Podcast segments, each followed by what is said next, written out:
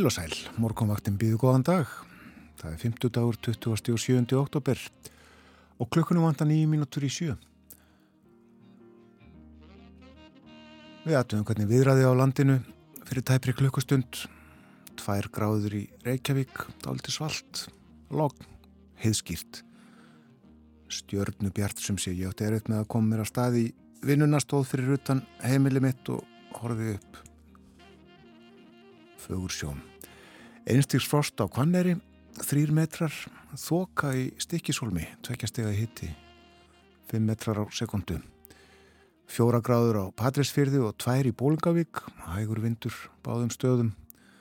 Þryggjastega hitti á Holmavík, ein gráða á Blönduósi, þrjár gráður við Söðunarsvita, lokn þar og Akureyri tvekjastega hitti og 1 metri á sekundu, segir viðstofan. Þetta er ofinbæra veðulýsingin Gíja. Er þetta rétt? Ég get staðfest þessar ofinbæru veðulýsingar. Ég reyndi hérna út í veðrið og fór á hjóli í morgun í vinnuna og það er nú bara ótrúlega myllt og, og þægilegt veður. Gott, gott. Hér á Akureyri. Og uh, víða um land, einstigs hitti á Húsavík og Logn, þrjár gráður á Rauvarhöfn, öru lítil góla og uh, einsveður á bæði skjaldingstöðum og eilstöðum, þryggjastega hitti, smágóla, lettskíða á eilstöðum. Hlýra undir vatnajökli, sjöstega hitti bæði á höfni Hortnafyrði og kvískerjum, hitti við frostmark á kirkjubæðaklaustri, 6 stig á Stórhauða, 7 metrar á sekundu þar í morgun, það var 20-25 metrar á sekundu eitthvað svo leiðis í gerðmorgun og að endingu þryggjastega hitt í Árnesi. En Gíja þú hefur kynntir veður horfur dagsins. Já, veður horfur á landinu eru svo hljóðandi. Það er norrlega eða breytilega 8 3 til 8 metrar á sekundu létt skíjað sunnan heiða en skíjað að mestu norðan og austanlands og semst að dáli til væta fram með þetta degi. Hiti 1 til 8 stig í dag mildast siðst og á morgun það er vestlæg átt 3 til 8 metrar á sekundu Létt skíðað um landið austanvert en skíðað með köplum vestantil og smá skúrir á stöku stað. Hiti breytist lítið. Og hálka eða hálku blettir á þjóðuðunum sjáum við í skeitum frá viðagerðinni. Það er ímislegt að daska morgumvaktarinnar í dag. Við ætlum að fjalla um stjórnmál. Bói Ágússon verður með okkur í heimsklökanum. Fjallar um stjórnmál, stjórnmál og umræður í bæði Breitlandi og Svíþjóð meira en það á eftir.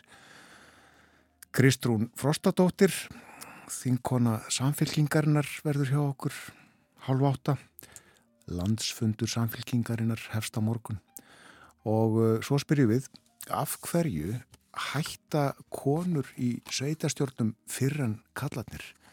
Fáum svör við því. Ímislegt á dasgrá, já og uh, fleira en þetta sem við nefndum núna einhverja tónlist leiku við og uh, allir sé ekki bara rétt að heyra núna fyrsta lag þáttarins þennan morgunin. Hér eru Hollies.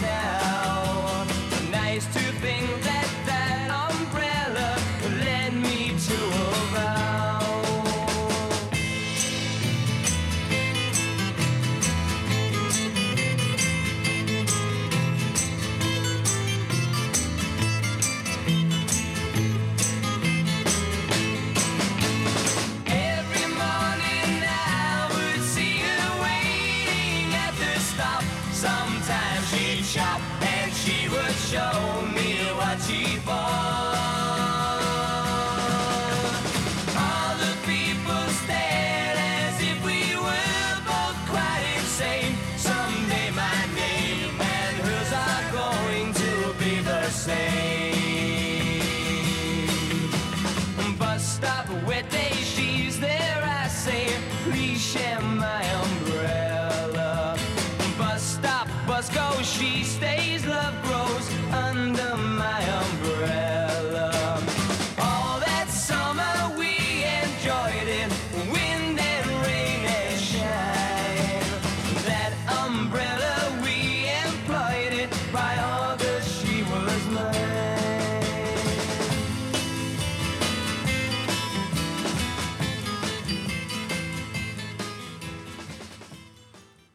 Hljómsveitin Hollies frá Englandi og þeirra helsti smellur Bus Stop en hljómsveitin átti líka Just One Look He Ain't Heavy, He's My Brother og uh, The Air That I Breathe svo ég nefni nú einhver lög.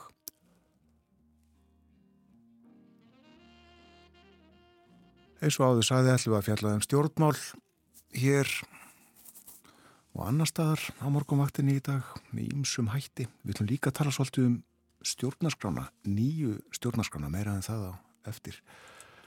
En það líður að fréttaðiliti hjá okkur fréttum þar að segja, koma á slæðinu sjö eins og vanlega og uh, á meðan fáum við okkur aðeins meira kaffi og uh, reyfum þá upp að á móti hverjum einasta kaffibotla sem við drekkum ef að drekka 1-2 vasklus nöðsilegt fyrir líkamann.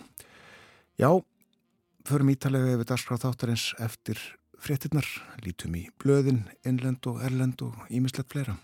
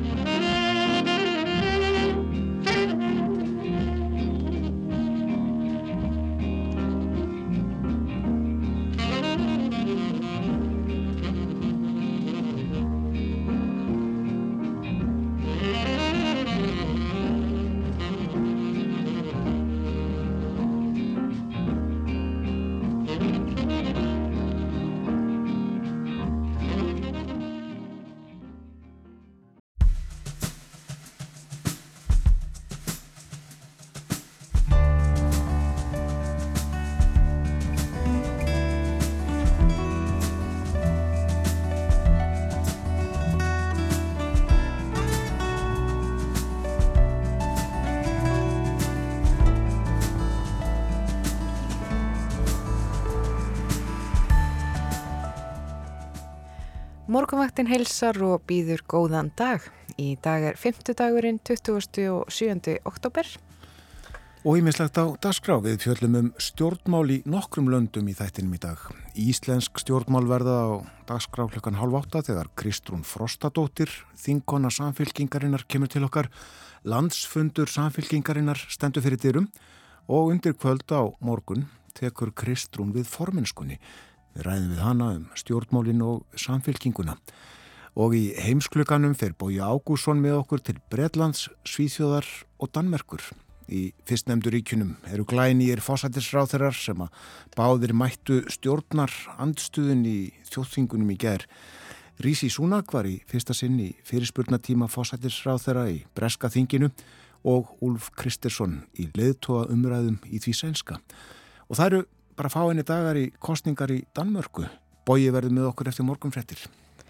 Og undir lokþáttar þá komum við aftur heim og aftur að íslenskum stjórnmálum. Nú eru rúmi fimm mánuðir frá síðustu sveitarstjórnar kostningum og þá urðu konur í fyrsta skipti í meiri hluta í sveitarstjórnum landsins. Hlutfall hvenna í sveitarstjórnum hefur farið stigvaksandi í síðustu áratvíi en á móti kemur að fleiri konur en karlar hætta í sveitarstjórnum eftir aðeins eitt kjörtímabill.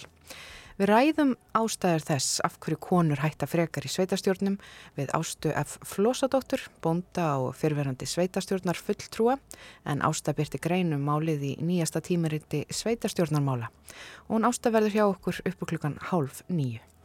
Umsjónamenn morgunvaktarinnar eru Gíja Holmgeistóttir og Björn Þór Sigbjörnsson.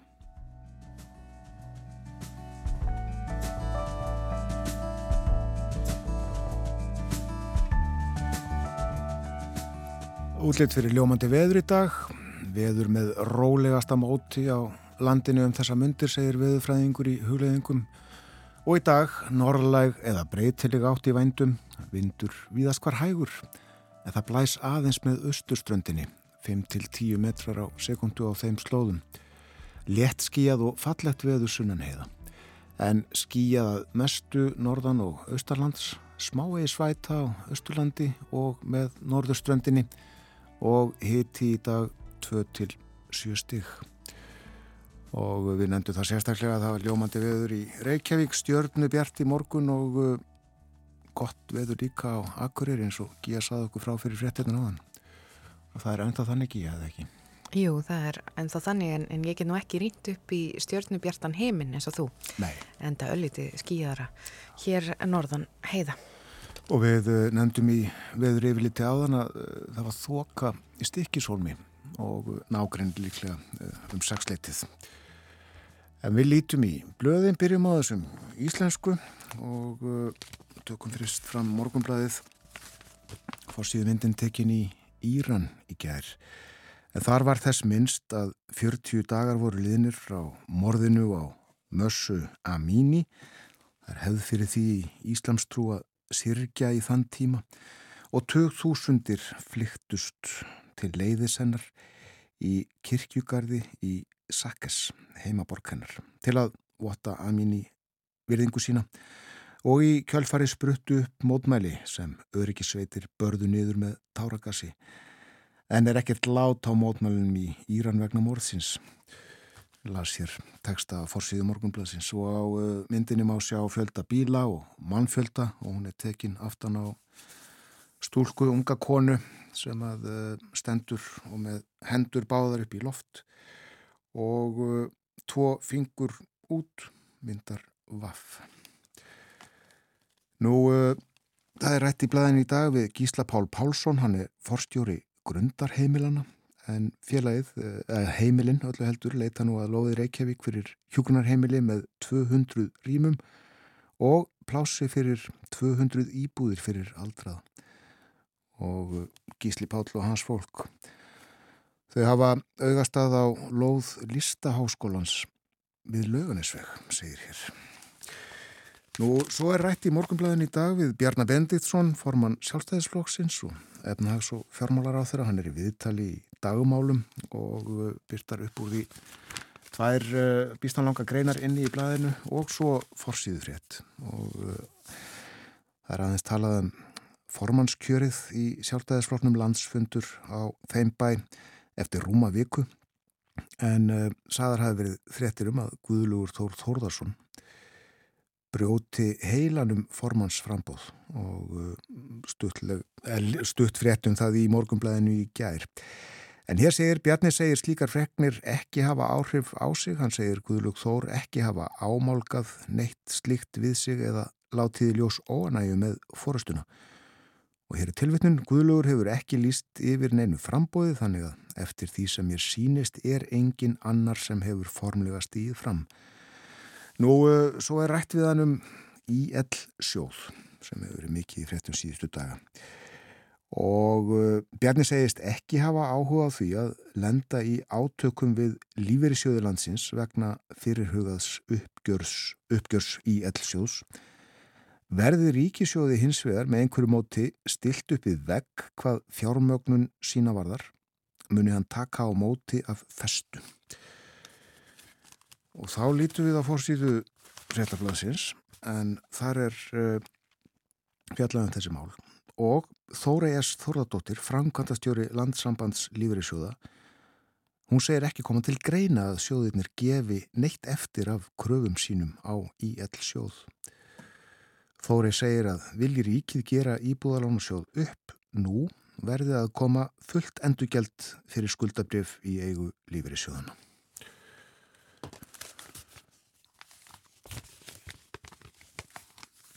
Og hún er uh, lífilega aldeilis forsýðumyndin hjá fréttablaðinu. Tekinn í gerkvöldi á síningu útskriftanema á Hársnirtibraut tækniskólans. Síningin var haldinn í Ráðhúsi Reykjavíkur og uh, þessi síning haldinn í fyrsta sinn síðan í Kornuveiru faraldrinum rætt hér við Hafdísi Gretarstóttur hjá tækniskólanum eins og segir hér og uh, hún segir að nefnendur hafi verið alveg í skíunum. Þetta var stór viðburður og myndin sjálf, það má sjá á henni konu í rauðum kjól, ermalösum og með greiðslu, með mikla rauða vangi, lóðrétta út til hliðana já. Glæsileg greiðsla óneitanlega en uh, ekkert selga praktísk held ég og uh, svo er það uh, Eldgósalandið Ísland rættir við Magnús Tuma Guðmundsson professor í jarðeðlisfræði við Háskóla Íslands en fjölgun ferðamanna skapar nýja hættu komið til eldgósa með stuttum fyrirvara Það verður að horfast í augu við það að túrismin hefur valdið því að erfiðara er að vera vissum að fólk sé ekki á raungum stað þegar gós hefst, segir Magnús Tumi meðal annars í samtali við fréttablaðið. Og þá lítum við aðeins í ellendu blöðingi. Já, ég er hérna með bresku miðlana fyrir fram að mig og það eru þetta nýr fórsættisráð þeirra ábyrrandi. Það segir hér á fórsýðu Independent, léttir þegar Súnak sittur aftur bann á jarðgasvinnslu, að frakking. En uh, nú verðast umfjöllunarefnin uh, í Breitlandi snúast aðalega um já, stefnumál nýsfórsættis ráðara, Rísi Súnak. Daily Mail fjallar hér um flótamenn og uh, segir að þær áskoranir verði höfuðverkur fyrir nýja ríkistjórn. The Times gerir mentamálin að sínu umfjöllunarefni á Sinniforst síðu Eh, það eru vitnað í Súnak, betri mentun getur orðið okkar töfra lausn, Silver Bullet. Og það er sagt að hann áformi rótækar breytingar á mentakerfinu í Breitlandi. Já, það er margt að breytast fram og tilbaka í Englandi þessa dagana. En hér er fórsíðan á Guardian, þar er líka fjallaðum jarðgasvinnsluna eh, og fyrirsögnin segir jarðgasvinnsla bönnuð og eftirlaun í sviðsljósinu þegar arleð tröss er hafnað. Og svo er uh, áhugavert myndin á fórsíðu Guardian. Það er sama stúlkan og príðir fórsíðu morgumblasins.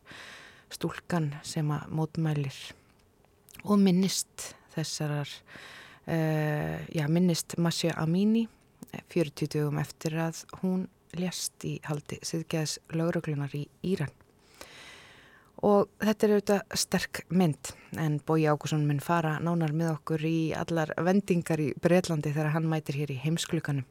En við skulum færa okkur að litið sunnar í álfunni í, á Ítalju. Þar er öldungadeildin búin að staðfesta, gerði það í gerkvöldi, umbúðanir að ríkistjórnar þegar greitt voru atkvæði um eh, tröstþingims á fórsetis ráþeranum, Giorgi Meloni og hún ætlar að vinda sér í já, stórum málinn, það eru flottamannamálinn og hún ætlar að taka þeim af mikill hörku.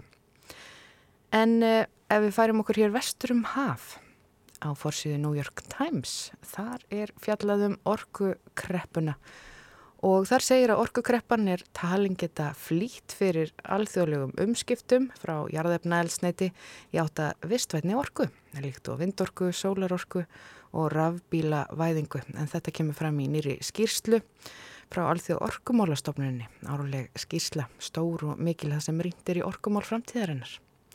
Já, svo eru þetta kostningar framöndan í Danmörku, það verður kosi á þriðdæn bói ágússan með fjalla nánar um það svo í Brasilju, þar er setniðum fyrir fórsetakostningana á sunnudægin og samkvæmt úttækt hér á veg New York Times þá er brasilíska þjóðin klófin alveg í tvent í stuðningi sínum við þessi fórsetæfni, Lula og Bolsonaro og það hefur þó nokkur harka einkennst þessar, já einkennst þessar fórseta kostningar sem eru framöndan.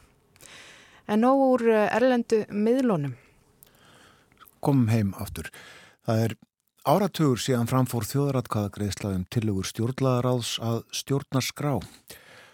Og tilhjóðna voru samþýttar sem grunduöllur að nýri stjórnarskrá en málið dagaði uppi á alþingi, það sopnaði eða var kæft eða hvernig sem við orðum það. Í síðustu viku fjöldluðu við á morgunvaktinni um málþing sem að emtar til á vegum Háskóla Íslands um stöðumálsins, pattstöðuna eins og það var orðað og þar laði fjöldi fræðimanna orði belg. Og þeir eru fleiri viðburðirnir sem emtir til í tengslum við þessi tímamót Setnipartin í dag og kvöld fer fram töfraþing, hvorki meirinn minna, í Hafnarhúsinu í Reykjavík.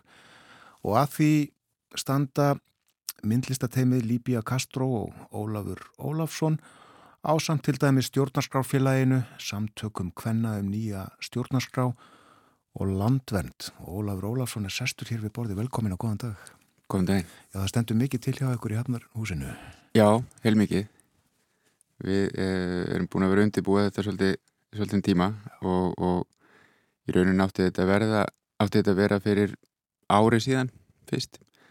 Eh, þegar við vorum með síningu í Hafnaborg eh, þar sem við síndum myndband og, og fleira frá gjörningnum sem að, að við fluttum fyrir tveimur árum í listasafni Reykjavíkur og, og um Götu bæjarins sem endaði fram að við alþengishúsið uh, verkið í leitað töfrum til að nýri stjórnarskraf fyrir líðveldi í Ísland Þetta er langt ferli. Já, En uh, Ólafur, það eru yfirleitt sérfræðingar einhverju tægi, fræðimenn eða stjórnmálamenn sem að kallaðir eru að borðinu þegar fjallaðir um málefnið eru varða stjórnarskrána. Uh, nýja stjórnarskráin hefur verið viðfangsefni eitthvað líbíu nú nokkur skeið. Hvernig kom það til að þið fóruð að pæli henni?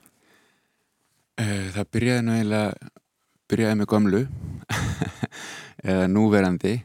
Uh, það var þannig að við vorum bara í áframhaldi af okkar öðrum verkum. Við Líbja er frá Spáni og ég er hérna frá Íslandi og við byggum í, í, í Hollandi þá og, og gerum við núna eftir við komum í Berlín en, en hérna, við vorum að velta fyrir okkur samfélaginu og hvernig það er sett saman og, og hvernig svona e, það er oft ímislegt tekið sem gefið sem að kannski ætti ekki verið það og, og það var til hann hjá okkur verk sem heitir Landið þitt er ekki til meðal annars og við veltum fyrir okkur þjóðuríkinu talsvert og, og hverjir til er því og hvernig maður til er því og hverjir eiga það eða, eða fara með það.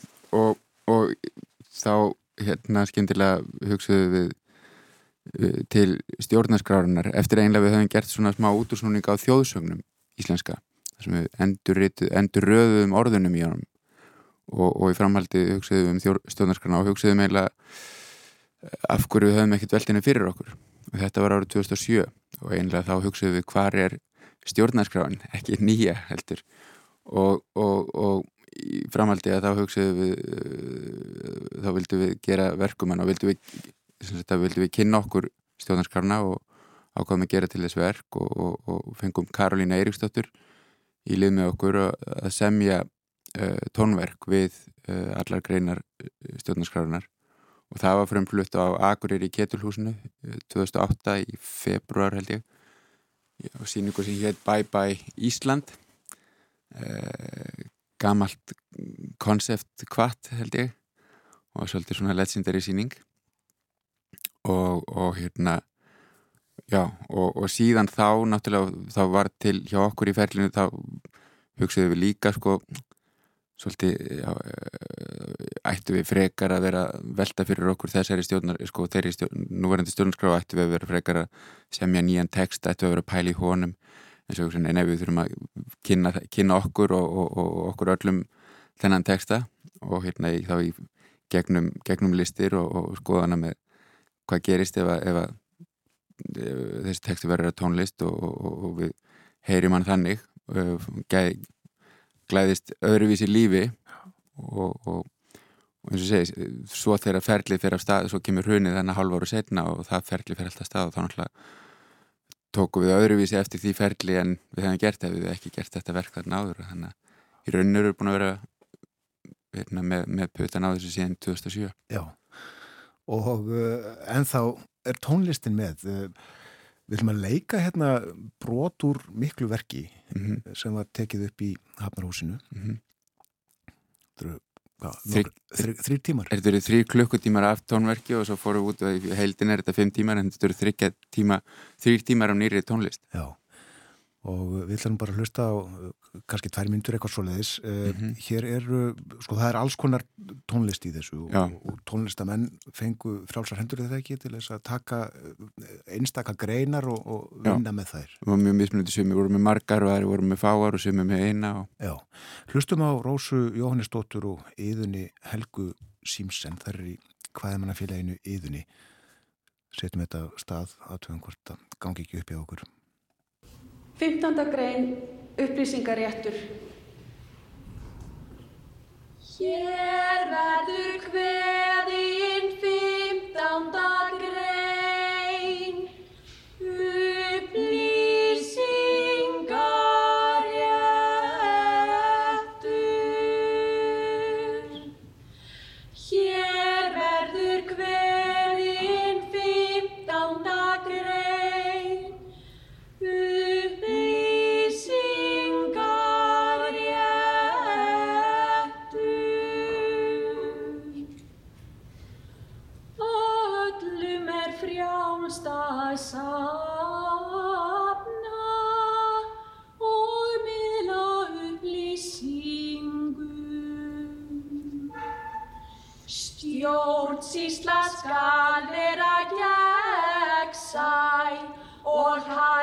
halda til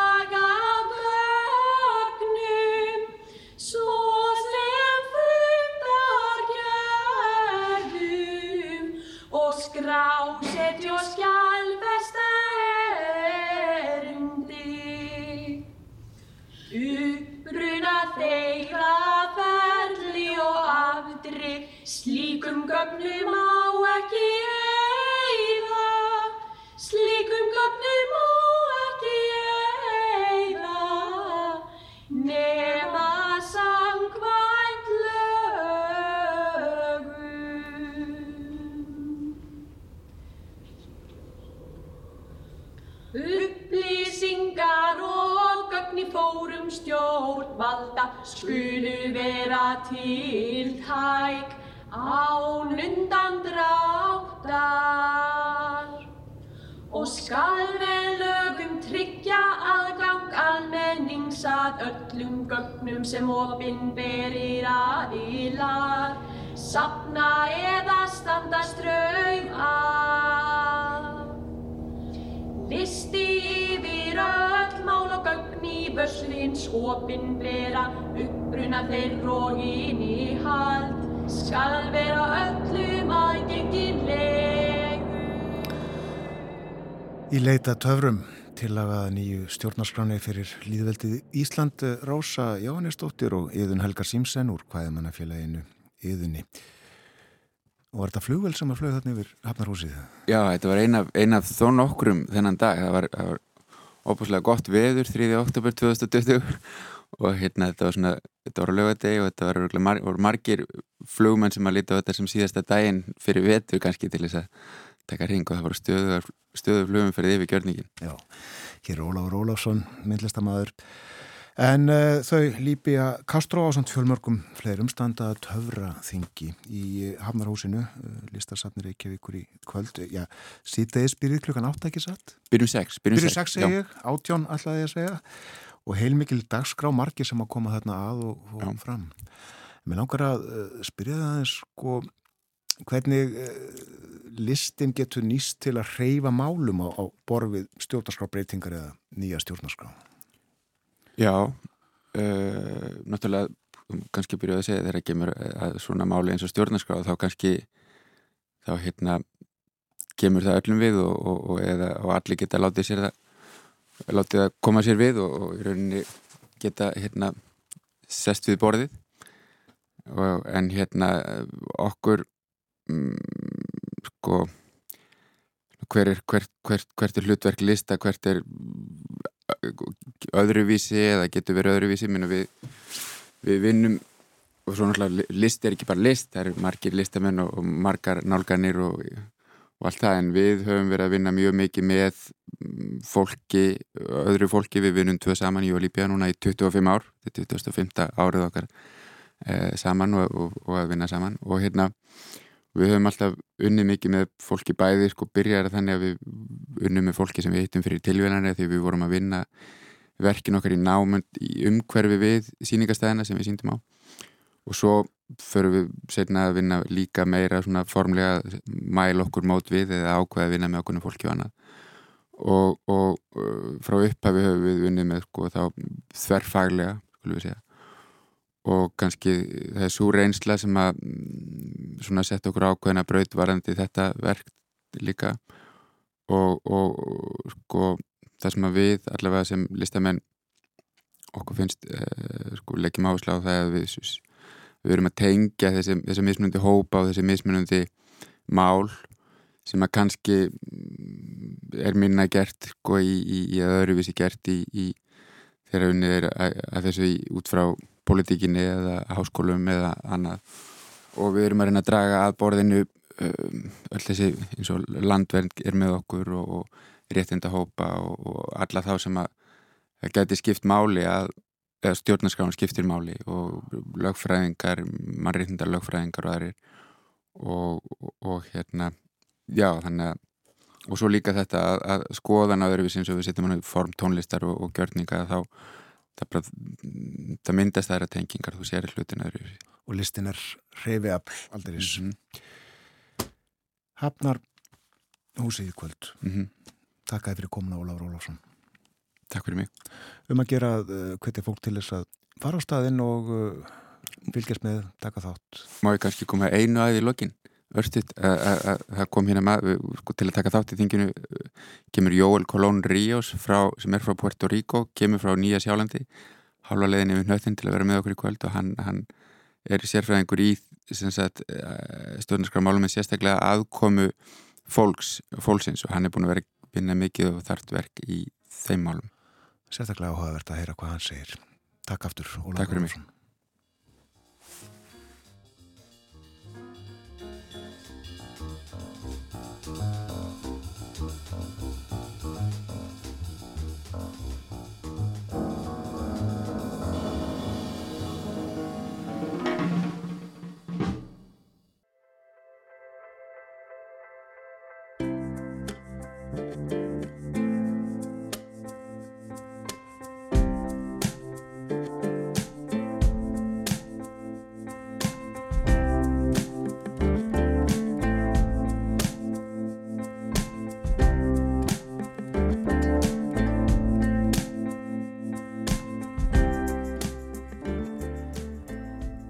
Jú, áfram heldur morgunvaktin hér þennan 50 morgun.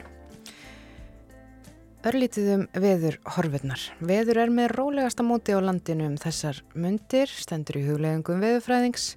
Í dag er norrlega eða breytileg átt í vændum og vindur víðast hvar hægur en það blæs aðeins með austurströndinni. 5-10 metrar á sekundu á þeim slóðum. Létt skíjað og fallegt veður sunnan heiða, skíjaða mestu, norðan og austanlands og smáveis væta á austurlandi og með norðurströndinni. Hiti 2 til 7 stig og á morgun er spáð vestlægri átt, 3-8 metrum á sekundu viðast hver. Það er útlitt fyrir að skímunni að mestu hilja heiminin á vesturhelmingi landsins og það má búast við smá skúrum þar, engum fyrirpart dagsins og á austanverðurlandinu þar lettir til og þar verður því sólríkast á morgun. Já, það er tíðinda lítið eh, í kortunum áfram, segir hér í huglegingu veðurfræðings. Spár gera heilt yfir ráð fyrir rólegu veðri út vikuna. Já, þannig hljóma veðurhorfinnar.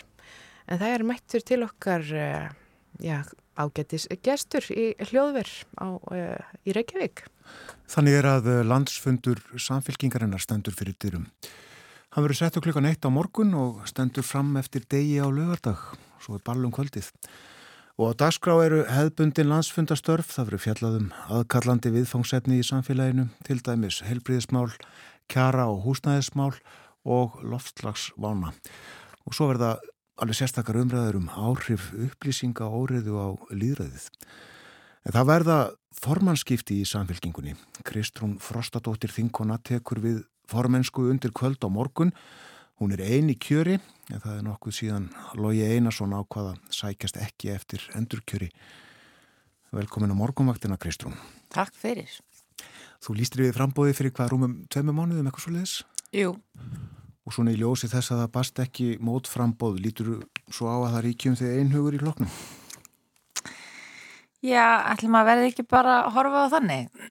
það er nú eflaust í flokknum eins og bara allstarðanstar í lífinu að, að það er eitthvað fólk sem er manna ósamarla og það er auðvitað bara holdt um, en ég hef verið mjög skýr með mínar áherslur. Ég gerði það mjög viljandi að fara inn í þessa Uh, já, ég kallaði þetta kostningabaratu.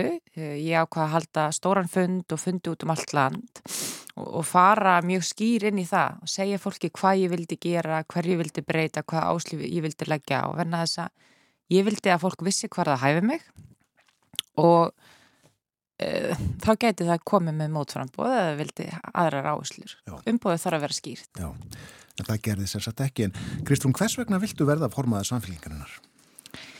Sko, ég er eiginlega hálfpartin að svara ákveðum kalli, ef svo má segja. Þetta hefur ekki verið endilega dagskrá hjá mér í, í áratug eða svo, sko. Eh, ég er ekki aln upp í þessum flokki um, eða fór í gegn munglega starfin eitt svo lis. Ég hef alltaf verið jafna maður, sko, og er alveg upp á þannig heimili þó að það sé ekki mikið pólitíka endilega það, sko. En ég er fyrst og fremst að taka að mér þetta verkefni. Ég horfi á þannig. Eh, þegar ég fór inn í pólitík fyrir rúmu ári síðan, gaf kostað mér fyrir einu og halvu ári síðan, þá gæti ég nú ekki séð fyrir mér að þetta eru þróunin. En það er ákall um breytingar í, í samfélkingunni, það er líka ákall um breytingar í samfélaginu, að við fáum einn fórustu sem að geti leitt svona svolítið nýja sín og nýjar áslur í landsmálunum. Og ég til mig vera réttu mannskjuna til þess að standa við bakið þeirri sín. En ég verði auðvitað að gera þetta sko á þeim fórsöndu sem ég tel að séu líklegast til áragu sjálf um, og þaðan fæ ég einblástur frá fólkin í landinu. Ég hef náttúrulega haldið 50 fundi með landsmönnum þessu ári, tala við þúsund manns í gegnum þá fundi og fundin, fundið svona mikið samhljá með þeim áslum sem ég hef verið með. Þannig að ég auðvitað sækja mig bara einblástur í fólk sem hefur leitað til mín og ég myndi aldrei treysta mér þetta verkefni nema ég væri með þann stuðning á bakuð mig. En ég er fullið sem að við getum stýrt landinu með öðrum hætti og í þóða þjóðar. Já, að því þú nefndir þessa fundi það vatti aðtikli e, fyrir nokkru þegar þú voru kjördamadagar og þingflokkur samfélkingarinnar fór saman um landi en þú varst ein með sérstakkafundi. Hvernig stóðu því? Já, það var nú nú kannski ekkit uppáflega stilt upp þannig. Það, eh, prógrumin er ofta alls konar hjá þingfólki á þessu tímabili. Það er ekkit endilega þannig að þingflokkar fari heilu lagi saman, oft fyrir fólk svona í sín kjördami og þess aftar og ég byrjaði nú kjördamavikuna í norðvestur sem við erum ekki meðnið þingmann. E, þannig að það svo sem kom ákveðlega út fyrir okkar einn flokk. En yfir höfuð ástæðan fyrir ég fór í þess að ferð og ég fór einir sko, ég kom mjög hratt inn í pólitík og eh, strax í kostningabaráttunni þá var voru ákveðnar væntingar til mín og kannski kröfur eftir, eftir kostningabaráttuna um að ég myndi stíga starri skref. Og ég var ekkit endilega vissum að ég vildi gera það. Það var ekkit ætlunin mín. Og ég áttaði mig á því að ef ég ætlaði mér eitthvað lengra í pólitík þá var ég að vera með svolítið fastar landundu fótum og hafa tíma til að tala við fólk sjálf á eigin fórsundun líka Um, en ég get líka alveg viðkjönda að því ég kom inn í þingsal svona fyrstu vikunar þá upplifði ég mikla einangrun. Um, þetta er svolítið sérstakur staður til að vinna og fyrir fólk sem hefur ekki alist upp í svona umhverfi það hefur ekki starfað þarna sem aðstofamaður eða farið svona í gegnum svona þá línu eh, þá áttur þau kannski ekki alveg á því hvað þú ert svolítið aflokaðar frá almenningi inn í þingsal. Nei. og ég var satt best að segja um, loðandi hrættum að ég myndi missa svolítið tengingu við fólk. Uh, og ég held að það sé mjög algengt að þingmenn fari inn og hefði sér bara svona eins og aðri kringu sig.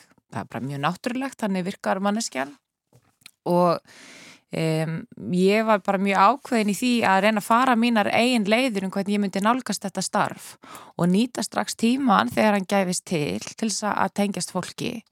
Venast að þingstarfi er þess eðlis að, að sko þó sért með þingfund og nefndafundi að mörguleiti er það frekar svona óskipulagt það er undir hverju þingmanni komið. Og þú þarfst að byrja sjálfur eða sjálfa ákveða hvaða takt þú vilt hafa í þínu starfi. Og, og þannig ég dreif mig bara út og passaði mig að fara ekki kannski svona í, í, í einhverja gamla rulli sem hefði bara verið mjög þægilt og einfalt að gera sko. Mm, mm, mm. Kristjón, samfélkingin fór uh, mjög vel af stað á sínum tíma í kringum aldamótin, fekk 17 og upp í 20 þingmenn kjörna framann af völdinni, síðan fór að hallundafætti, uh, þið eru sex er það ekki í þingloknu núna. Mm -hmm. Hvers vegna er ekki meiri eftirspurn eftir ykkur en raunberi vitni? Ég meina það er stóra spurningin auðvitað og ég held að það sé mjög mis, mismöndi skoðanar okkur það er. Um, það hefur auðvitað breyst flokkaflóran eftir hrun, það fjölgaði flokkum á þingi Um, ég held að jafnamanna tögin í landsmönnum sé ennþá mjög sterk. Man finnur það bara þegar maður tala við fólk. Já. Þessi atkvæði eru bara ekkert öllendilega að skila sér til samfélkingarinnar. Og ég held að það sé stóra verkefni núna. Hvernig við verðum aftur svona svolítið stórt tjald, breykum flokkin, uh, veitum meira rými fyrir fólk að, já, minnst að finna sér í flokknum. Um, þannig að ég hef sagt það í þessu samingi sko, ég hafði ekkert ætlað mér að fara einhvers konar uppgjör á stöðun í samfélkinginu og ég held að það sem að samfélkingin þurfi núna er einmitt mannsku sem getur hort fram á veginn. Vegna þess að ég get ekki farið inn í þetta starf með áherslur sem að felast í því að reyna að gera upp allt sem fyrir ríkistjórn sem samfélkingin sati gerði ekki að, að, að fylgja uh, því handriti nákvæmlega. uh, við verðum að sína vegum erindi í nútímanum Já. Og alltaf að reyna að koma bara að reynu borði. Ég meina að hluti til auðvitað skilur maður ekkert við söguna. Ég meina sagan er sterk og, og hérna situr í manni og árangu jafnamanna sögulega séð og, og forverð samfélkingarinnar er til staðar um, og við höfum auðvitað geta staðið hátt hvað það varðar. En það þýðir samt bara ekkert að benda alltaf á fortíðina. Við erum með stark gildi um réttlæti og samstöðu og jöfnuð og þetta eru gildi sem að, maður finnur bara þegar maður tala um fólki í landinu. Það, það er sammála þessum gildum. Það sem er erfitt og hefur verið erfitt kannski er að ná í gegn.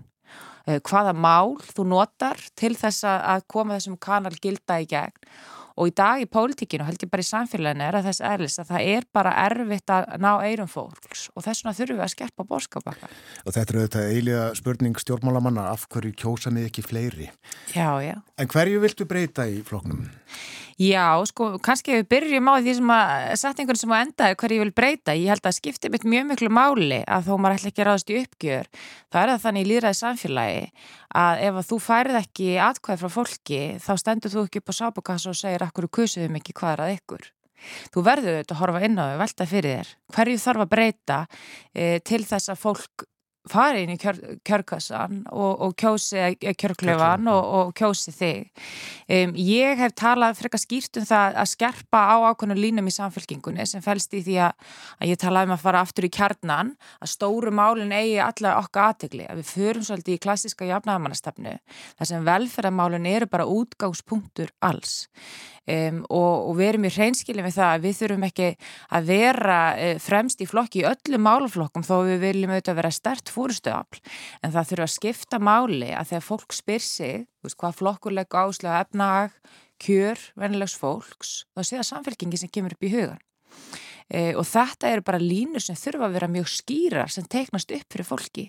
Við þurfum ekki að skora steg í öllum málflokkum hjá fólki. Fólk þarf bara auðvitað að treysta okkur til verka.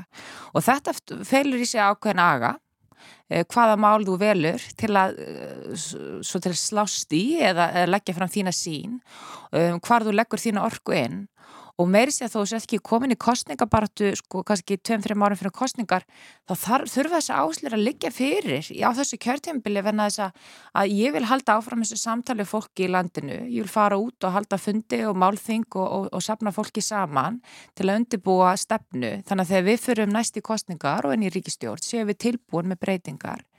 Um, þannig að þetta er ákveðin svona ægi sem krefst í þessu og svo eins og ég sagði, það leggir bara mikla áslaði að við stígum svolítið nýra sápukassunum og mætum fólki augnæð. Ég held að það skiptir bara gríðilega miklu máli. Hverju viltu sleppa því að fjalla um eða tala minna um? Ég, þú, það er ekkert svo sem, sem ég vil sleppa að fjalla um.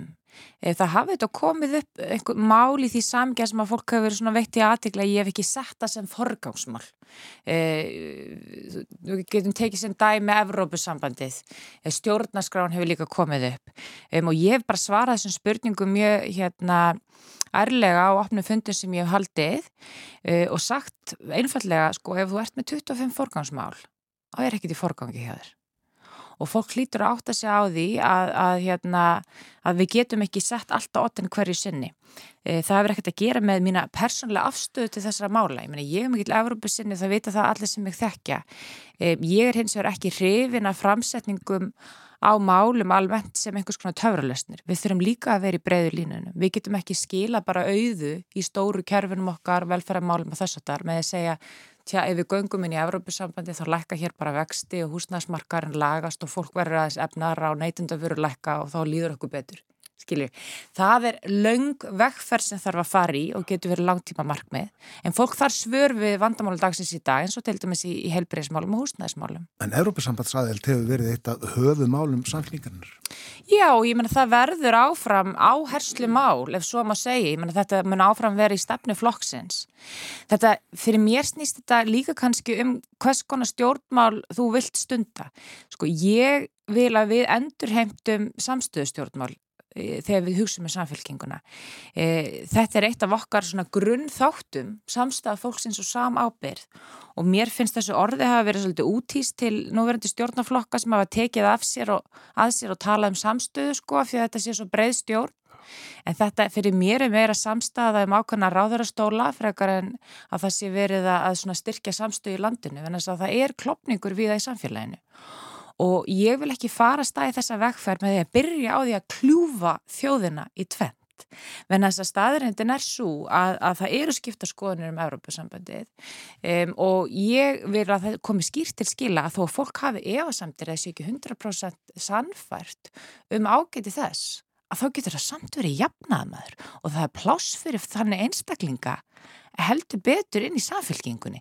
Síðan þurfum við auðvitað bara að koma að stað eftir þessari umræðu eins og var gert fyrir 20 árin síðan inn í samfélkingunni þegar það var farið í vinnuferðir, vinnuhópa, kynningar, fundi og þess áttar um Európa-sambandi um þessi stóru mál Um, það var unnur þeim upplýsingum og svo var tekinn afstafn það innan flokks hvert við færum áfram með málinn og ég held að þetta sé eitt af þeim málum sem er bara holdt á og til, ég meina það hefur mikið breyst í íslensku samfélaga undanferðinu 10-15 árum líka í, í Evropasambandinu og mér finnst það bara eðlilegt og líðræðislegt í flokkis og, og, og samfélkingun að þetta sé rætt Ég þarf líka að spyrja þig um stjórnarskrána, hún var auðvitað til umfjöldunar hér áðan þegar Já. Ólafur Ólafsson var hjá okkur, þetta er auðvitað ferli sem að Jóhanna Sigurðardóttir setta stað. Já, mein, og þetta er rætur þess að máls liggja í samfélkingunni um, og við höfum alltaf staði og ég stenda bak við sko líðræðislegar breytingara á stjórnarskráni.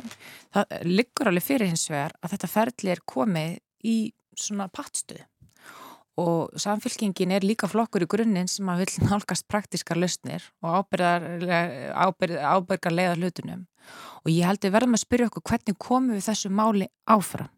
Það þýðir ekki að segja við þjóðina bara allt eða ekkert núna. Um, við erum að lenda í því að máli hefur ekki komist almennilega í gegnum þingið og finnst okkur það ásættanlegt að ekkert breytist. Getur við slefti að gleipa fílinni einum bytta Um, fólk eh, kann að hafa þá skoðun sem er þykir mjög eðlilegt að það hefði átt sér stað á hvað ferli fyrir tíu árum og það er fylgið því eftir en síðan líður tímin og eins og ég sagði við þið áðan ég vil ekki festast með flokkin í fortíðinni, við verðum að geta hort fram á veginn og hugsa hvernig komum við þá auðlunda ákvæði í gegn? Hvernig komum við þá jöfnu atkvæði í gegn, getum við gert þetta í bútum getum við farið aðra leiðir að þessu? Og ég held að þannig þurfum við að nálgast mörg af þeim málum sem að samfélgíkun hefur kannski sögulega séð ekki tekist að koma í gegn. Og horfa ennþá lengra til fortjóra og hugsa, já við tókum þetta í skrefum. Skilju, hvað getur við sett fram sem raunast plan fyrir fólk í landinu? En þess að ég hef líka verið alveg hreinskilvið eh, með það þegar ég hef talað um fólk út um allt land að sko samfélkingin hefur ekki efnað því að fara næstin í ríkistjórn og skila ekki af sér því sem hún lofur sko þá held ég að, að þetta verði endanlega búið vegna þess að við vorum stopnuð, samfélkingi var stopnuð til að vera fórustöfl, til þess að vera í stjórn, til að vera stjórntæk, ekki til að vera stjórnarandstöð flokkur og við verðum að geta sínt að við treystum okkur inn í ríkistjórn til, í fyrsta kjörtímabili og við stjórnum með þeim hætti að við séum ekki svo logandi rætt að við munum aldrei aftur verið ríkistjórn að við þurfum að koma öllu í gegn á fjórum árum.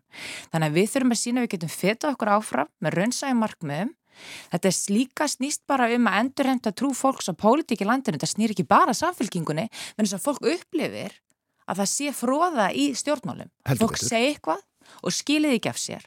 Þá vil ég freka setja niður fast akkari, vera raunsa í segjastundu fólk veistu þetta er ekki gerlegt núna strax.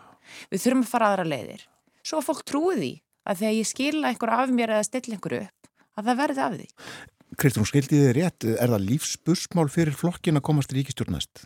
Ég held að skipti gríðarlega miklu máli fyrir samfélkingun að komast í ríkistjórnæst, en ég vil samt ekki stilla þið þannig upp.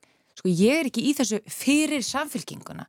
Þetta er auðvitað verkefnum fyrir þjóðina, skiljið. Ég er auðvitað á þeirri skoðun að fyrir þjóðuna að sjá ákveðna breytingar, við sjáum ákveðnar áslipbreytingar í landsmálunum, helbreyðskerfin okkar, öldrunakerfið, húsnæðismálin, þá þurfum við jafna að manna sín að leiðaljósi.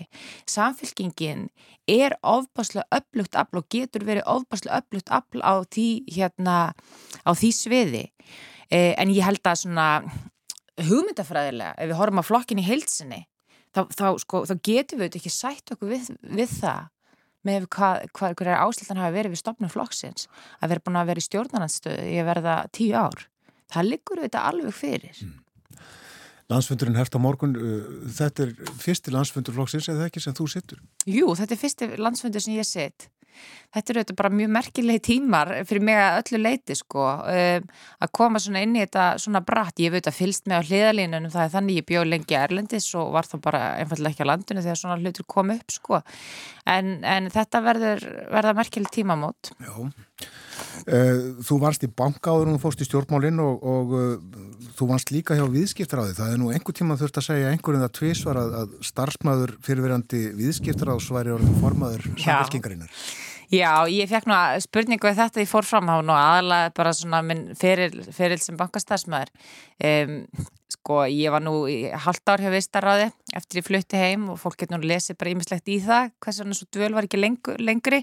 Kynntist reyndar ágætu fólki og hérna þáverandi frangandustjóri viðstarrað sem er núna fórstjóri festis og nástafjálsti og ég er bara mjög góða vinkonar í dag getið sagt ykkur.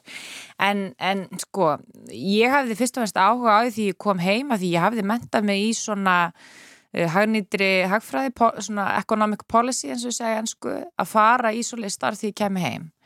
Og mér fannst ekkert að liggja við að ég færi inn í stjórnsýsluna. Og þarna hafði ég bara opnast ákveði starf að taka þátt í efnasmálumræðinni ég get alveg viðukent að svona hérna okkar á millin í þessu stúdiói að ég hafði kannski ekki alveg stilti upp fyrir, fyrir sjálfa með nákvæmlega hva, hva, í hverju það starf myndi felast, ef ég getur sagt það þannig. Ég var búin að vera erlends í talsett langan tíma og, mm. og kannski svona þær pólitísku áslið sem lagt var upp með voru ekki alveg mér að skapi.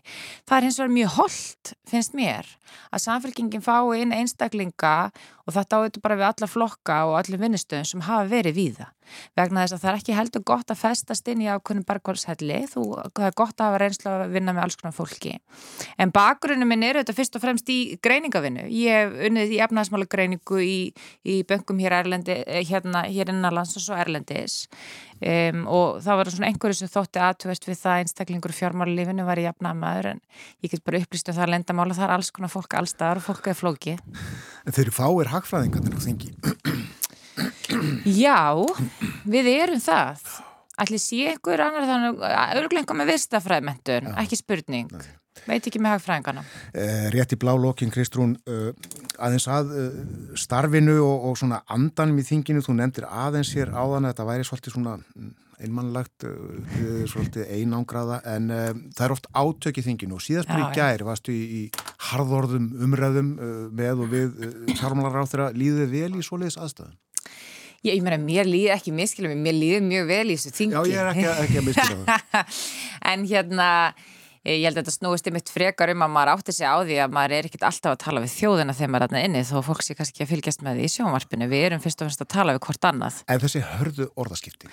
Já, sko, mér... Eh, ég er ekki, ég ætla ekki að segja, ég sæki eitthvað sérstaklega í þetta en ég á ekki erfitt með þetta um, það er áhuga ákveðin andir sem kemur yfir mann bara í þingsal um, mér finnst bara mjög gaman að takast á við Bjarnar Bendisson, fjármarraðra mér finnst mjög gaman að raugraða við fólk sem er með skýrar pólitiska línur. Mér hefur fundist það oft vanda og mér hefur þótt sko, ég get rosa sjálfstæðsfloknum fyrir það sem að ég er auðvitað með að gera við vinstri græn og framsón er að þau eru skýrum hvað þau standa fyrir. Þau mæta bara og eru stolt af sínu, þau segja ekki eitt og gera annað og það er miklu erfiðar að eiga við flokka sem segja eitt í viðtölum og annað síðan í, í, stefnuplöggum eða, eða lögjöfurna þess að fólk fer það einhvern veginn undan að flóta. Það er þá hægt að bara takast á og rökraða málefnarlega út frá hugmyndafræðilegum ágrinningi um, og það þarf ekkit að vera alls ekkit að vera persónlegt, fólk veit bara hvar maður hefur hvort annað. Um, þannig að ég hef bara gaman að þessu en að því sögðu þá er þetta bara Menn, þetta er bara alvarlegt mál, það er bara að vera að standa vörðum ákvæmna hagsmunni og við samfélkingunni erum að tryggja almanna hagsmunni séu bara upp á borðum. Er þetta að minna almennt eða er þetta að tala um íelsjóð? E, já, bara bæði. Menn, sérstaklega í, í, í tilviki íelsjóðs að ég eh, hef verið ósatt við það og við samfélkingunni og við annar staðar að það verið að stilla þessu upp eins og þetta sé einhvers konar stór hagsmunna mál fyrir skattgreðendur þegar þeir sem er á hinum endanum á málinu eru lífrissjóðir og það er sparnaðar almennings og þetta er leið til að dreifa þessu höggi sem er mjög ólýðræðislega vegna þess að það fá allir í raunin sem er í þessum sjóðum jafna skerðingu ef út í þetta fari mm -hmm. en ef þetta fer í gegnum skattin eða, eða ríkið þá hefur ríkið tækið tól til að dreifa byrðunum þar sem að sögrumið er í hagkjörfunu og það er viða. Við ræðum þetta mál betur setna. Þakkar innlega fyrir að koma Kristún Frostadóttir. Góða skemmtur á landsfundi og gangiði vel í þínum störfum. Takk fyrir kella.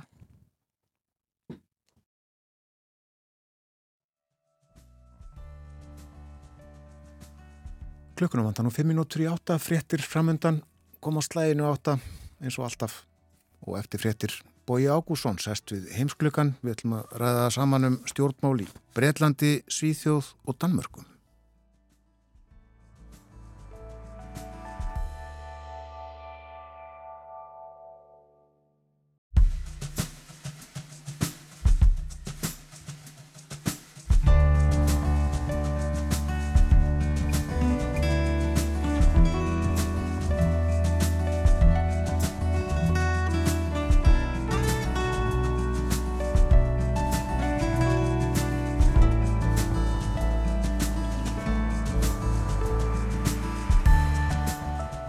Aftur þegar að hlusta á morgunvaktina á Rás 1, það er 50 dagur í dag, klukkan farin að ganga nýju og það þýðir bara eitt, Bója Ágúrsson er komin í hljóðstofu, góðan dag. Góðan dag Björn. Við ætlum að koma nokkuð víða við og... Mm -hmm. Við stefnum ofta því, það tekst ekki alltaf. Nei, við sjáum hvað setur, en við ætlum að reyna að segja margt. Já. Og hlusta á brotur uh, þingumræðum bæði Breitlandi og Svíþjóð. Já. Kanski við nefnum Damörku.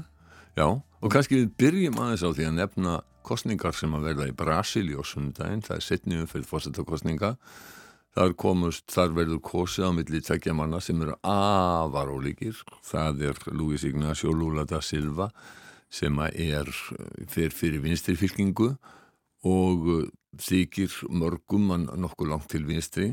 Og svo Jair Bolsonaro sem að þykir margt vera ansi líkur Donald Trump, bandarækjafósita meðal annars líka vegna þessa hann hefur líst yfir fyrirfram að vinni hann ekki þá ætla hann ekki að viðkenna úrslitin Einmitt. Og þú ert með nýjustu konun?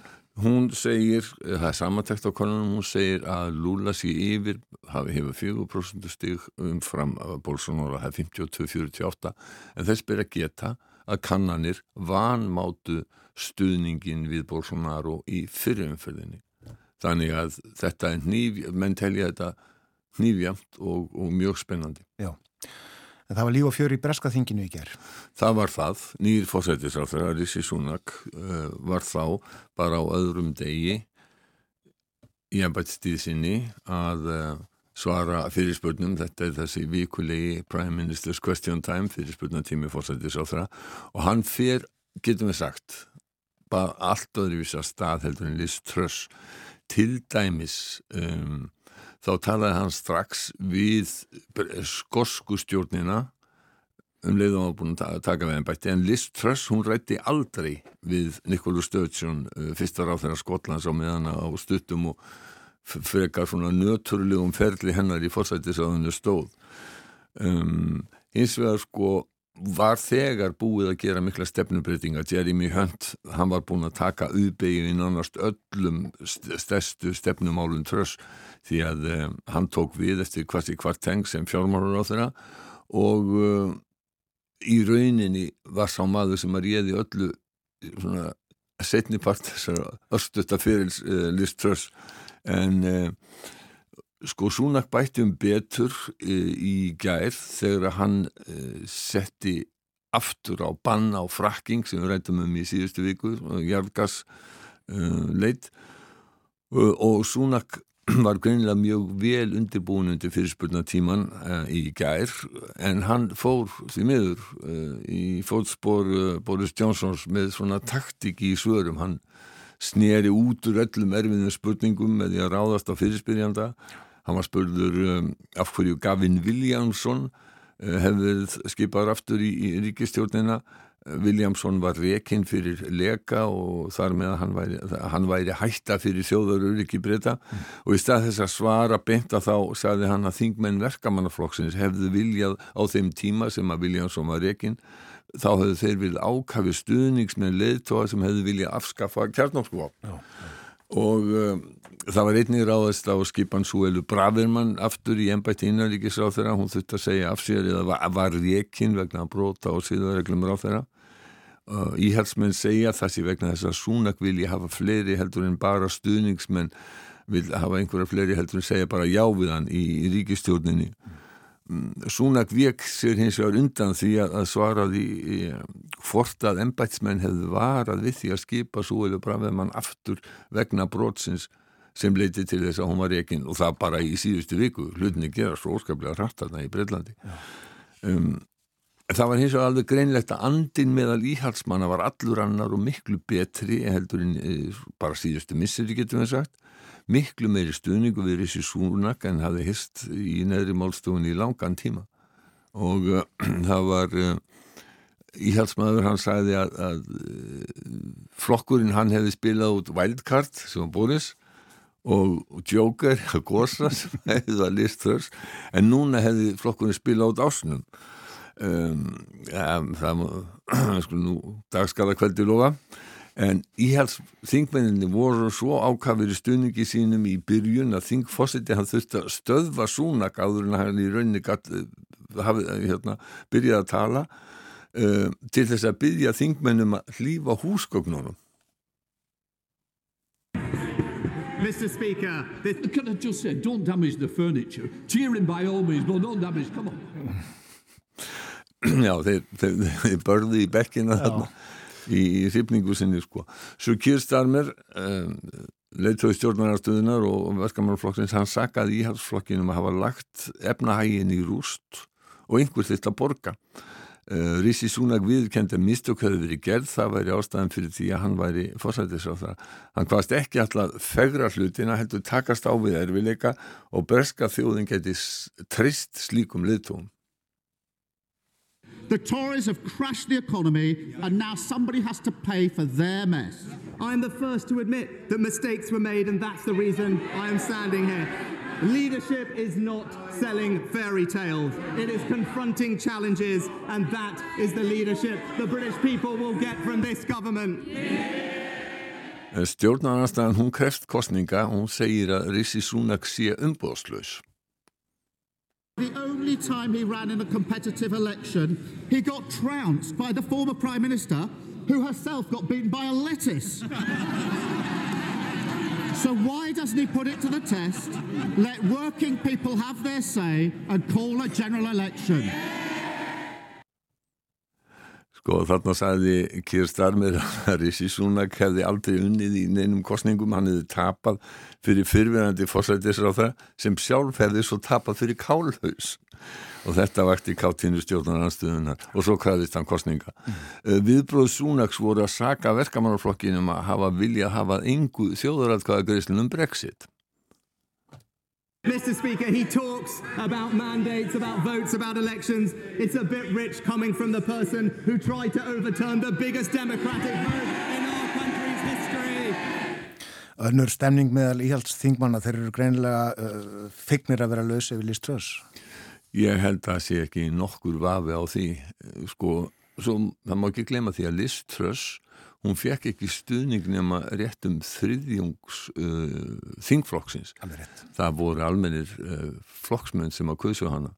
Þess vegna var uh, sett svo regla núna fyrir leittóakjörði eftir að hún baðast lausnar að það þyrti stuðning að minnstakosti hundra þingmanna til þess að menn kæmust að, bara í, í frambóð og um, það, það var gert með það í huga að koma í vekk fyrir að Boris Johnson gæti komist aftur e, í frambóð því að e, það er vitað að hann nýtur enn mjög mikils fylgis meðal almennra félaga í íhalsfloknum og e, hann, e, ef hann hefði náðu að komast yfir 100 þá hefði hann að öllum líkindum aftur tekið við fórsættisraðunettinu og uh, það hefði verið mjög fróðlegt og skemmtilegt að sjá hvernig uh, það hefði farið. Íhalsmennir í þinginu hefði ekki verið jafna ákafur og, og, og, uh, og hérna og í sínum stuðningi og þeir voru í gær.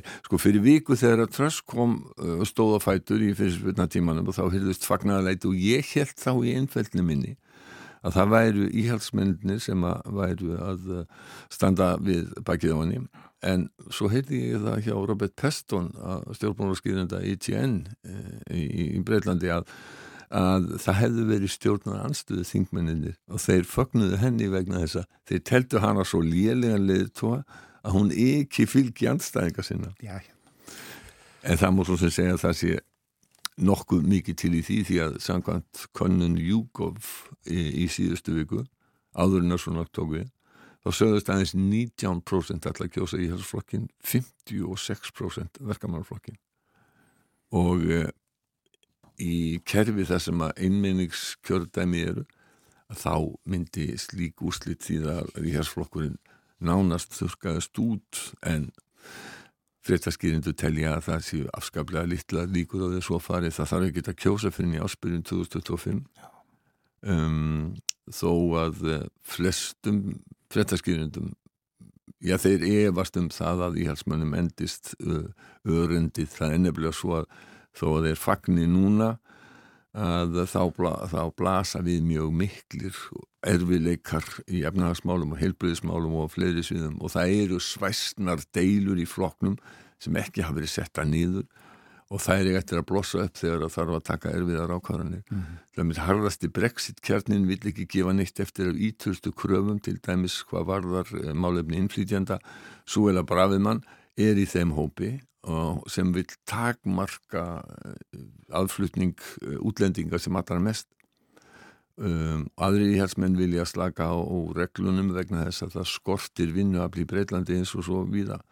Uh, og Brexit harlínu liðið það vil einnig hverki gefa eftir í málefni Norður Írlands og það verður reyna mjög áhugavert að fylgjast með þróun þar. Að stefnir í aðrar kostningar til þingsis í Stórmond vegna þess að þar hefur ekki tekist að mynda stjórn og þeir hafa til miðnættis til þess að mynda nýja stjórn samkvæmt stjórnskipa Norðurílands og þá eiga báðir stærstu flokkar stærstu fyrkingan á Norðurílandi mótmælend og katholika, svo við einföldum þetta að sitja í þeirri stjórn en DUP, stærsti flokku mótmælanda sem er raunar ekki lengur stærsti flokku landsins því að hann tapaði og varði undir gegn sín fein stærsta flokki katholika í kostningunum sem voru bara í mæ og um, en DFP neytar að sitjast í stjórn. Þeir krefjast þess að Brexit landamæri svo kvöldu sem að er uh, skilda á að, að, tóttskoða hluti sem er að koma frá Breitland til Norður Írlands að því að Norður Írland er hluti af innrimarka Európa-sambansins uh, þeir, þeir setja það sem algjört skilir og uh, Norður Íra, þeir vilja ekkert fara í aðra kostninga núna. Þeir, bara, þeim, þeim, þeim, þeir, þeir hafa bara sagt, ég var að horfa til dæmis á skæ núna bara í morgun, það sem að viðtal við ungt fólk sem sagði bara sko láta, þessa, láta þetta fólk koma sér saman setjast niður, taka á þeim vandamálum sem að blasa við okkur öllum ekki fara með einhverjum pólitískum leikum þannig að það verður farið kostningar þá spá ég því sem að raunar aldrei þóra spáneinu að þá komi nýður á DVP og þeir, þeirra fylgi, fylgi mingi e, enn mm. Eða farið til Stokkólms Já, hvernig væri að gera það? Þar, þar voru líka svona sambærilegar að sömuleiti umræður í, í sænska þinginu í gær. Um, það voru fyrstu leitóumræður eftir að nýr fórsættisráþara tók við þar eins og í Breitlandi í Svíþjóð er það hægri maðurinn uh, Ulf Kristesson og uh, það voru svona mildari umræður heldur enn í breskaþinginu og, og heyrum í Ulf Kristiðsson það var engin æsingur í orðum hans Vi kommer genomföra ett paradigmskifte i svensk politik. Men vi är också ödmjuka inför uppgiftens storlek. Det kan mycket väl bli värre innan det blir bättre. Og hvað sagði hann þarna? Við ætlum að gerbreyta sænskum stjórnmálum paradigmeshift, eins og þess að kalla það. En við erum auðmjúk frammi fyrir verkefnunum.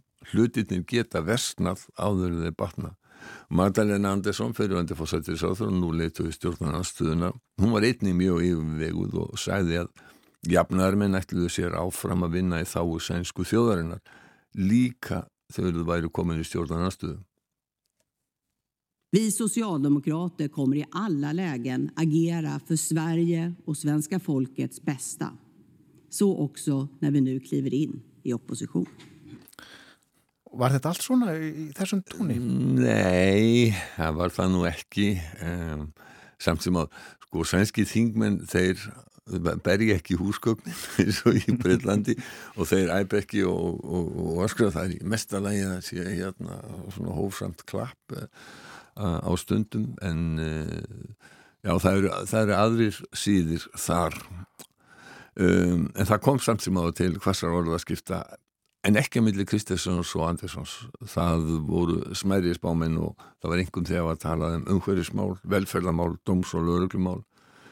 Um, síðustu átt ár hafi verið glötuð þegar ekkert hefur verið gert til þess að brjóta glæpagengin og baka aftur og ná tökum á þeim sagði Ími Jókesson leit og í Svíþjóðademokratana Det har varit åtta år, åtta förlorade år när det handlar om att göra det som måste göras för att knäcka gängen, återta kontrollen.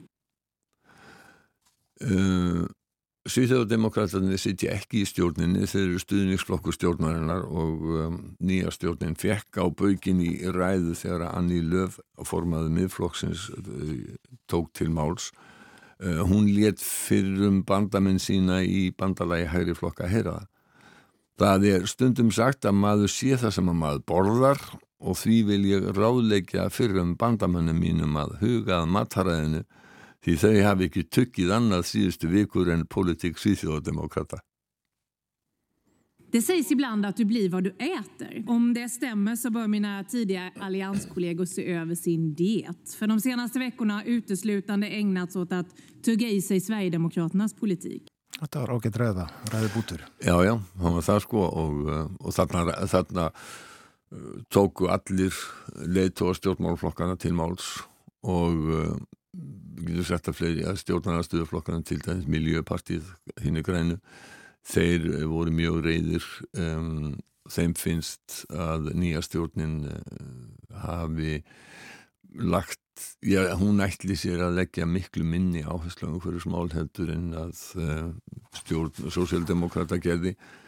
Og uh, og síðan venstripartið þar heyrðist hljóðurhóttni líka í, í, í garð og það eru, eru svíþjóðdemokratandi sem eru, eru hérna daldið skammaði sko. En Mats Knutsson sem er aður stjórnmólaskýrandi í Sænska ríkisúttasins hann sagði að Magdalena Andersson hefði rétt út höndina í þessum umræðum til Kristjánsons og bóðið áframhaldandi samvinni í öryggis og varnamálum og stjórnin og jafnaðar menn allavega eru sammálað um NATO-aðild og einarðan stuðning við úkrænumenn í stríðinu við rúsa í öðrum málum á kannski búast við harðari átökum Er hart ekki stá í stjórnmálunum kostningabaratun í Danmörku? Nei, það verður ekki segja sagt.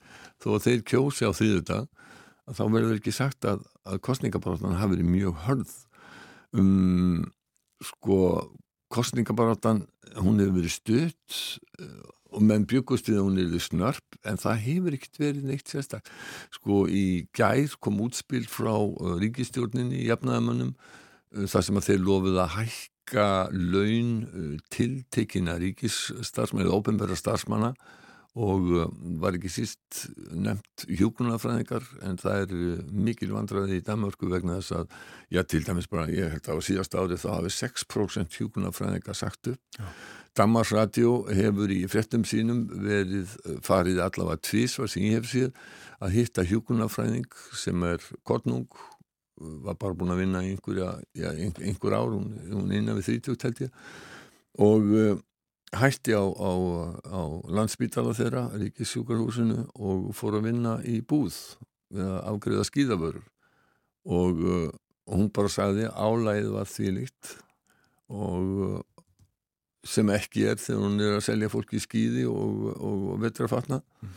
og hún var spurð í gær ætlaðu þá að koma aftur ef að launin hækka og hún sagði nei. nei og svo er náttúrulega veldur þetta því að, að aðrir ofnböri stafsmenn, kennarar, lögreglu þjónar og aðri, þeir segja fáum við ekki neitt líka. Það er líka ála á okkur. Það er líka ála á okkur sko. En nýjustu kannanir benda til þess uh, að uh, það verði gammalkunnur vinnur okkar Laslökk Rasmussen sem að sumuleiti verði síguvegari þessara kostninga hann var fórsættisráþra hann var formaður venstri sem ekki er venstriflokkur heldur hægriflokkur kannski jafnast á fransunarflokkin uh, svo ræktist hann úr flokknum og hann hefur stofnað nýjan flokk. Varaformaður hans um, hrættist líka úr flokknum. Uh, og, og hérna hún hefur líka stofnað nýjan flokk Danmörku demokratana uh, en núna er því spáð að Moderatenni sem er flokkulega slakka verði í þeirri stöðu að hann geti ráðið því hvort það verði hægrið að vinstri stjórn. Það eru miklu meiri líkur samkvæmt nýjastu tölum að þetta verði vinstri stjórn og allar nýjasta koninu hún spáir mjög naumum meiri hluta vinstri flokkana án laslökkas en það er spurningum það hvort að, hvort að flokkur sem heitir alternatífit hangin á þingi eða ekki, hann er með 2,5% þú þarfst 2% til þess að komast inn á danska þingi, þannig að þetta verða mjög skemmtilegar og, og, og spennandi kostningar í Danmörku, ég held að það sé ekki nokkur vafi á því ég áhuga fólk um dansk stjórnmál ætti að halda áfram að fylgjast með. Akkurat, kjördagur á þriðudagin. Takk fyrir í dag, Bói Jákusson. Takk sem leiðis, Björn Þór.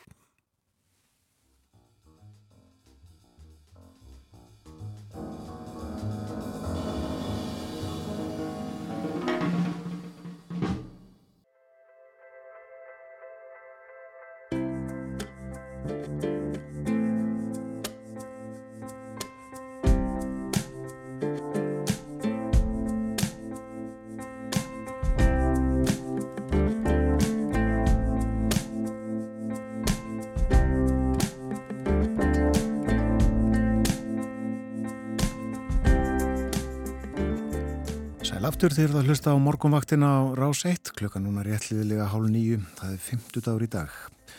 Umsjónamenn þáttarins þennan morgunin Gíja Holmgerstóttir og Björn Þó Sigbjörnsson og framundan síðast í hluti þáttarins. Og uh, við áðurinn lengra er haldið höfum yfir hugleðingar veðufræðings veður er með rólegasta móti á landinu um þessa myndir segir hann. Í dag er norrlæg eða breytileg átt í vændum og vindur víðaskvar hægur blæst þó aðeins með austuströndinni, kannski 5-10 metrar á sekundu á þeim slóðum, létt skíjað og fallegt veður sunnan heiða. En skíjaða mestu norðan og austalands, smá í svæta á austurlandi og með norðurströndinni. Og hitti í dag 2-7 stig. Á morgun förstu dag verður vestlæg átt, 3-8 metrar, víðast hvar og útlitt fyrir að skímunni að mestu hilja heimilinn á vestur helmingi landsins og það má búast við smá skúrum þar, engum fyrir partags. Á austanverðurlandinu leti til og þar verður því sólríkast á morgun. En uh, Gíja tekur nú við. Já, það eru rúmir fimm mánuðir frá síðustu sveitastjórnarkostningum og við ætlum nú aðeins að fjalla um, já ekki beint kostningarnar en uh, stöðu kvenna innan sveitastjórna. En eftir síðustu kostningar þá urðu konur í fyrsta skipti meiri hluta í sveitastjórnum landsins og hlutfall kvenna í sveitastjórnum hefur farið stigvaksandi í síðustu áratvíi. En á móti kemur að þá hætta fleiri konur en karlar í sveitastjórnum eftir aðeins eitt kjörtímabill og til þess að ræða hvers vegna þetta gerist þá er hinga komin ástaf Flósadóttir, bondi og fyrirverandi skólastjóri, kennari og ja, fyrirverandi sveitastjórnumfulltrúi í Grítubakkarheppi. Velkomin á morguvaktina, Ásta. Já, takk fyrir. Takk fyrir að bjóða mér. Þú byrtir grein um þetta efni í nýjasta tímariti sveitarstjórnar Mála Já. sem að samband íslenskra sveitafélaga gefur út og þú byggir þessa grein á mastersrýtt gerðinni sem að þú skilaðir í ofinberi stjórnsíslu núna síðasta vor uh, en hvers vegna ákveður að rannsaka þetta ástæður þess að konur hætta frekar í sveitarstjórnum? Hvers vegna þetta mál? Já, mér fannst það bara forutnilegt. Það var þegar ég hætti störum í sveitarstjórnar 2018 þá þá hættu á landsvísu uh, tæp 66% þeirra kvenna sem hefur verið kjörnar árið 2014 sem er uh, gríðarlega stór hluti. Og, og það hefur verið mikið í umræðinni mikið lendun í um sveitstjórnum fulltrú og heilt yfir og í kostningunum 2018 þá hættu sko rúmur helmingur þeirra karla sem hefur verið kjörnir. Þannig að það er, það er mikið lenduníun og of mikið lenduníun því að það tapastu þetta þann út dýrmættir einsla en mér fannst bara svo forvittnilegt sko hver er, á, hverju er þessi kenjamunur, hver, hvað er það sem að og þess vegna vildi ég sko skoða konuna sérstaklega. Já. og ég var ekki að bera saman sko um, konur og karla í þessu sambandi það væri, svo er það bara rannsóknar efni á hverju er svona stór hluti karla að hætta. Mm Þú segir að um helmingu karla hættir Mhm. en uh, já, tæp 70% kvenna, þetta er uh, 66%. Já. Þetta eru hvað, svona kringum 13%, 13% af munur. Nei, ekki 13%, 13% stík. 13% stiga munur. Sem er munur. En, en sko þessar konur, völdu þær að hætta sjálfar eða voru þær kostnar út? Hver var svona, hvert var hlutallið að Já, þessu? það var, það var nefnilega eitt af því sem ég vildi skoða líka og ég valdi að taka fyrir svæðið mitt hér og okkar á Norðalandi Eistra. Þannig að ég skoðaði sérstaklega sveitafélagin hér og reitgernin fjallaði um það og hérna spurði bara þær konur sem höfðu verið kjörnar, annars vegar þær sem höfðu verið kjörnar árið 2010 og voru svo farnar 2014 og svo þær sem höfðu verið kjörnar 2014 og voru hættar 2018. Mm. Og eina af spurningunum var einmitt þessi sko, varstu ákvaðstu sjálfa hætta eða var þetta, hérna, var þetta þannig að þú fegst ekki brautagengi eða varst feld út í kostningum eða hver var ástæðan og langstæsti hlutin yfir 60%, nei rétt um 60% valdi það sjálf, sjálfar að hætta Já. og þá eru þetta, af hverju velja þær það? Já, af hverju? Og, og það var, það var svona megin viðfóngsveitinni rittgerðinar var að, að reyna að komast að því hverjir eru áhrif að þættirnir því að það eru þetta margar ástæður fyrir því og þegar þú spyrð fólk svona beint út að þá ertu ekki kannski að fá nema lítinn hluta af ástæðunum. Mm. Það hefur verið í umræðinu mikið talað um launakjör Já. að, að starfsveitstjórnum fulltrú að sé ekki vel launað og það sé megin ástæðan en þegar þú ferða að skoða rannsóknir og, og ræða við eh, hérna, sveitstjórnum fulltrúa það hefur til dæmis komið ljósi í rannsóknum þegar að fólki spurtaði á hverju það býður sér fram að þá er engin að bjóða sér fram út á launakjörum Mm. Þetta er ekki þetta er ekki jobb sem þú ert að fara í út á launakjörum, þú ert að fara í sveitstjórnum mál vegna þess að þú hefur áhuga á einhverju í samfélaginu. Þú vilt þjóna samfélaginu eða hérna, það er einhver sérstök baráttum mál sem þú ert tilbúin að veita þínum kröftum í. Það er engin að sko farið þetta út á laununum. En launinu þetta hafa áhrif. Og þegar ég voru að spyrja út í þetta þá, þá voru svona helstu þættirnir ástæðuna fyrir því sem að þær gáfu upp ég er nefnilega að sendi sko rafræna spurningakönnun á þessar konur. Og eh, þetta voru 39 konur sem ég sendi könnunna á fekk mjög gott svarlutvall Mhm. næri 90% sem svaraði því. Og á, á þeim grundvelli valdi ég svo sex konur til að taka djúb við töl við þar sem ég var að spyrja nánar út þessa þætti Já. En í, í rafrænu könninni þá kom það helst fram að það voru álag og tímaskortur Mhm. sem að svona skorðið hæst. Það voru þeir þættir sem að það er nefndu og svo áreiti, ekki, ekki hérna kynferðslega áreitni eða kynferðslegt áreiti endilega, heldur bara svona áreiti heilt yfir og ég uh, spurði þetta alltaf mikið út í það, hvað er ættu við með því og þetta voru svona stærstu þættirnir sko tímaskortur og álag Mhm. og, og álag álagið var óbáslega mikið vegna tímaskorts Já. og það er bara þannig að það eru bara 24 tímar í sólinunum og þegar þú ert með þegar þú ert með bara eins og marg, líf margra er í dag og þú ert í fullri vinnu og þú ert að rekka heimilið og þú ert hérna svo allar að sinna sveitstjóðnumálunum líka að, að það er bara ekki nú mikil tími Mm En uh, þú segir að þetta sé tímaskortur og álag, áreiti og, og svo þetta launakjörin sem eru svona einhverjir mm. svona helstu ástæður fyrir því að mm -hmm. konur hætta, hætta í, í sveitastjórn og taka mm. þá ákvörðun sjálfar. En hvað að þínum að þetta er hægt að gera? Hverju, hverju þarf að breyta? Sko, það er, já, hverju þarf að breyta? það er óbáslega margt sem að hægt er að gera til að auðvelda fólkið þetta lífið og og síðustu árin hefur verið mikil umræð um það í samfélaginu bara eins og þekkir að, að það þurfa að gera störf fjölskyldu vætni og, og þetta e, það að gera fólki kleift að sinna og þá komum við náttúrulega aftur að þessu með launakjörn sko, það að gera fólki kleift að sinna sveitstjóðnumálum eins vel eins og sveitstjóðnum fulltrúar myndu vilja gera. Mm -hmm þá held ég að það væri það væri hérna einna stæsti þáttur en að fara að líta á starfsveitstjóðnum fulltrúans sem starfslutfall og þá partur á því er líka þetta að breyta þú veist fundatímanum. Að Já. fundatímin sé ekki eftir vinnutíma. Fundatímin á að vera og sko tveir þriðju af þeim sem var verið að ræða við hérna töluðum það besti tímin fyrir fundi væri eftir hátegi það er að segja á vinnutíma. En, en tveir þriði voru að sækja fundi eftir vinnu, vinnu sko. Já, á kvöldin þá þegar, þegar viðkomandi búin að vinna eftir fullan vinnudag og, og er að fjölskyldu líka og, og Já, langt flestar, lang flestar voru að sækja fundi sko frá, frá fjögur til sjö. Já, já. Sem eru þetta bara erfiðu fundatími að þú ert að hérna bara eins og þekkir að vera með það þarf að sinna fjölskyldu og skutla börnum og, og undirbúa kvöldmat og allt, all, allir sápakki sko.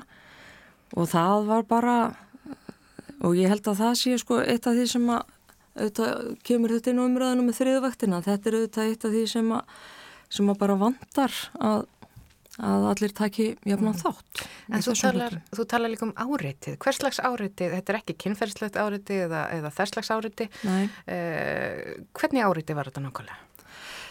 Það, var, það voru margar gerðir af því sko um, og nú gerir fólk ekki mikið mun á sko áreitni mm. og áreiti þegar þánga til að þú ferða að ræða svona alveg djúft ofan í það sko.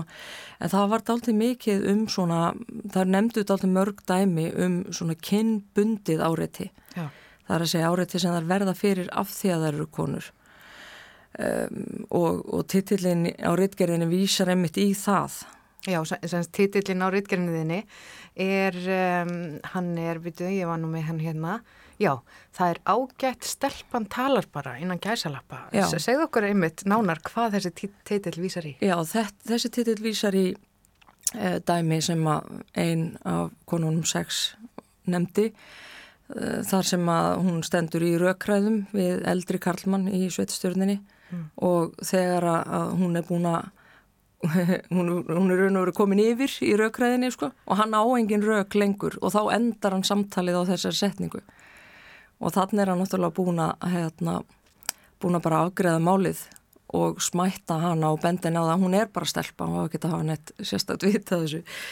Og mér finnst þetta bara svo gott dæmi. Þannig að ég hérna, valdi það að hafa þessa setningu sem titilin og rítgerinni en það er nefndu, það er nefndu svona dæmi. Samt, samt voru þeir að tala um það sko, það er, þeim fannst í raun og veru þær nýtu alveg sammælis, þar voru ekki látnar gælda þessi í starfinu í sveitstjóðnunum að þær væri konur en, en ef að það braut á að þá komu svona setningar sko mm -hmm. og, og, og þær sögðu það, tóku það allar fram sko, þetta væri ekki eitthvað sem hefði trublað þær Nei. en samt finnum við að það þegar að fariði djúftóni viðtöluna þetta eru þetta þarna er svona verið að, að, að skipa mönnum í flokka skilur mm -hmm. og og það er nefndu dæmi um svona, svona áreitni um, en svo fyrst og fremst verða bara dálta mikil tröflun það er, það er mikið, mikið verið að tala saman í síma. Og, og það er lístu því að það væri mjög auðvelt að láta svo eitastjórna starfið gjörsanlega gleipa allan, allan tíman sko. Mm -hmm. og þegar það fór að líða og þetta eru eitt af því sem að menn auðlast með meiri reynslu Þannig að þær töluðu allan um það ef þær hefðu tekið annað kjörtjambil þá hefðu þær markvist reynd að stýra þessu áreiti betur. Já. og ég held kannski er þetta eitt af því sem bara við öll í samfélaginu getum getum hérna hugsað þessu úti, þú veist, hvenar þú þarfst að hafa aðgengi að þínum sveitstjóðnum fulltrúum mm -hmm. og, og Já, geta rætt við þá en hvenar er eðlilegt að gera? Er eðlilegt að gera það í forstofunni í leikskólanum? Er, er eðlilegt að, sko stökkva og kjörum fulltrúa út í búð sko?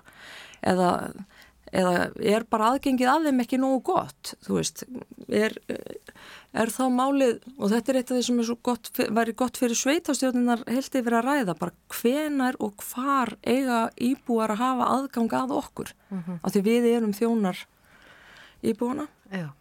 Og það er eðlilegt að þeir hafi samband, sko.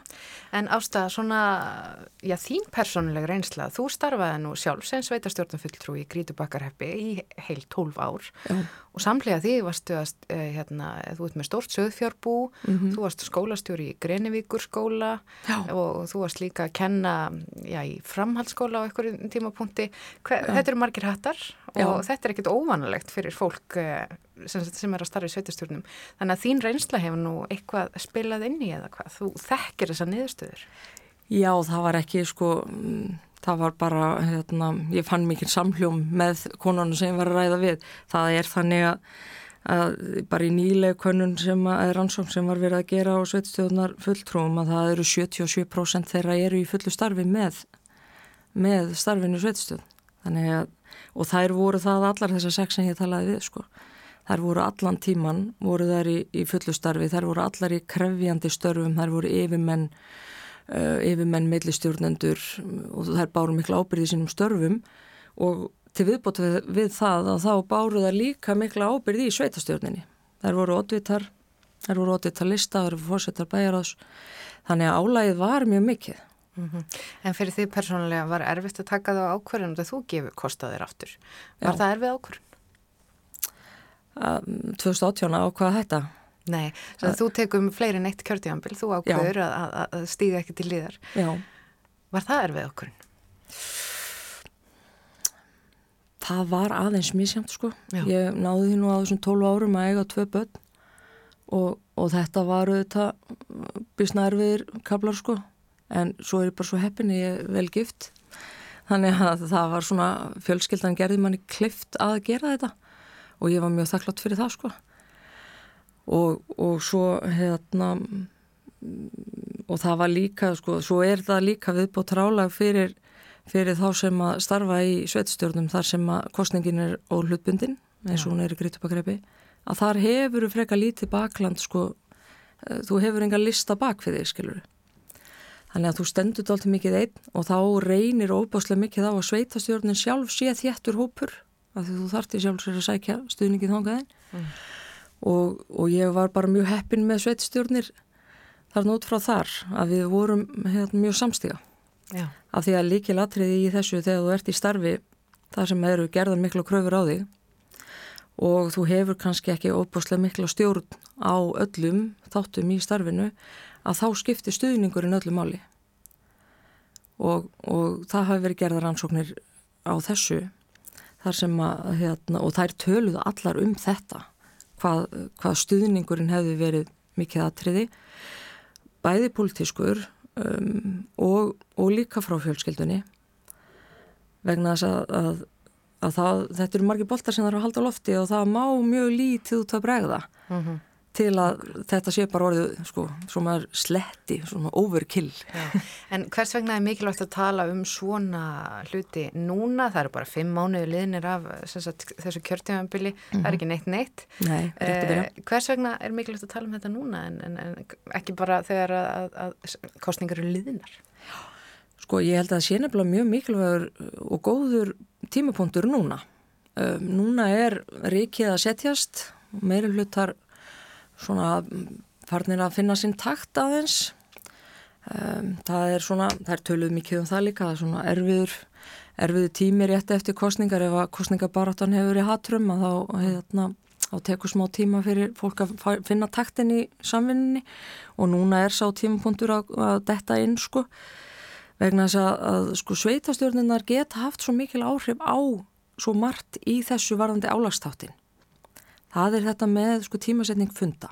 Það er þetta með um, bara umræðan um það hvenar eru við í náanleg og, og hvar og hvaða áreiti bara er orðið of mikið og og þessu, sko þessu nefnilega ráða sveitastöðunar, tímasetning funda Mhm. hvenar ætlum við að funda þetta er bara, og launakjörum ráða sveitastjórnir sjálfar og ef að, ef að umræðan fyrir að snúast um það að líta sveitastjórnastarfið sem hlutastarf eða þá fullstarf eins og í stærri sveitafélagunum að þá þarf bara að vera svona samfélagslegu sáttmálu um það að menn læki þá sitt starfslutfall í hinni vinnunni Mhm. En sinni ekki 150% vinnu Já, nánast. Já, vegna þess að ég held að sko niðurstæðin, Mm. heildar niðurstæðin í þessu öllu sem var bara það að þær, þessar konur til dæmis völdu það að hætta vegna þess að þær eru bara að lenda í, þær eru bara að finna lyktina því að þær eru að fara að lenda á vegg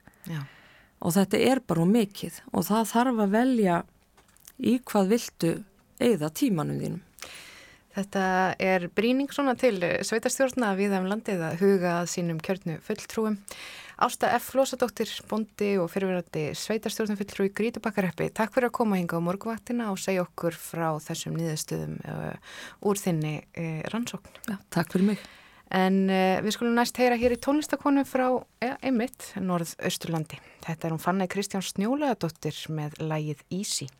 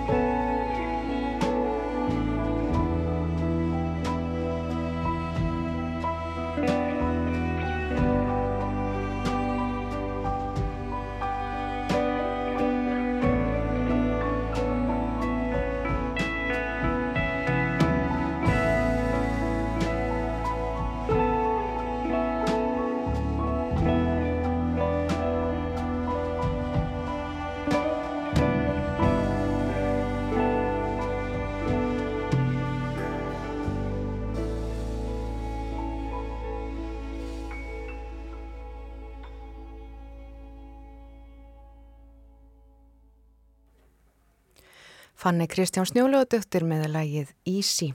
Lægið er af plötunni Bleed and Blend sem kom út á þessu ári. Platan er önnur plata Fanniar sem einnig er þekkt undir listamannsnafninu Kjass. Þá er morgunvaktinni lokið þennan morgunin klukkan alveg að verða nýju. Við eh, Björn Þór og Gíja höfum sett í þér síðan fyrir sjö í morgun. Þátturum verður á sínum staði fyrramáli þökkum samfélgina. Verði sæl.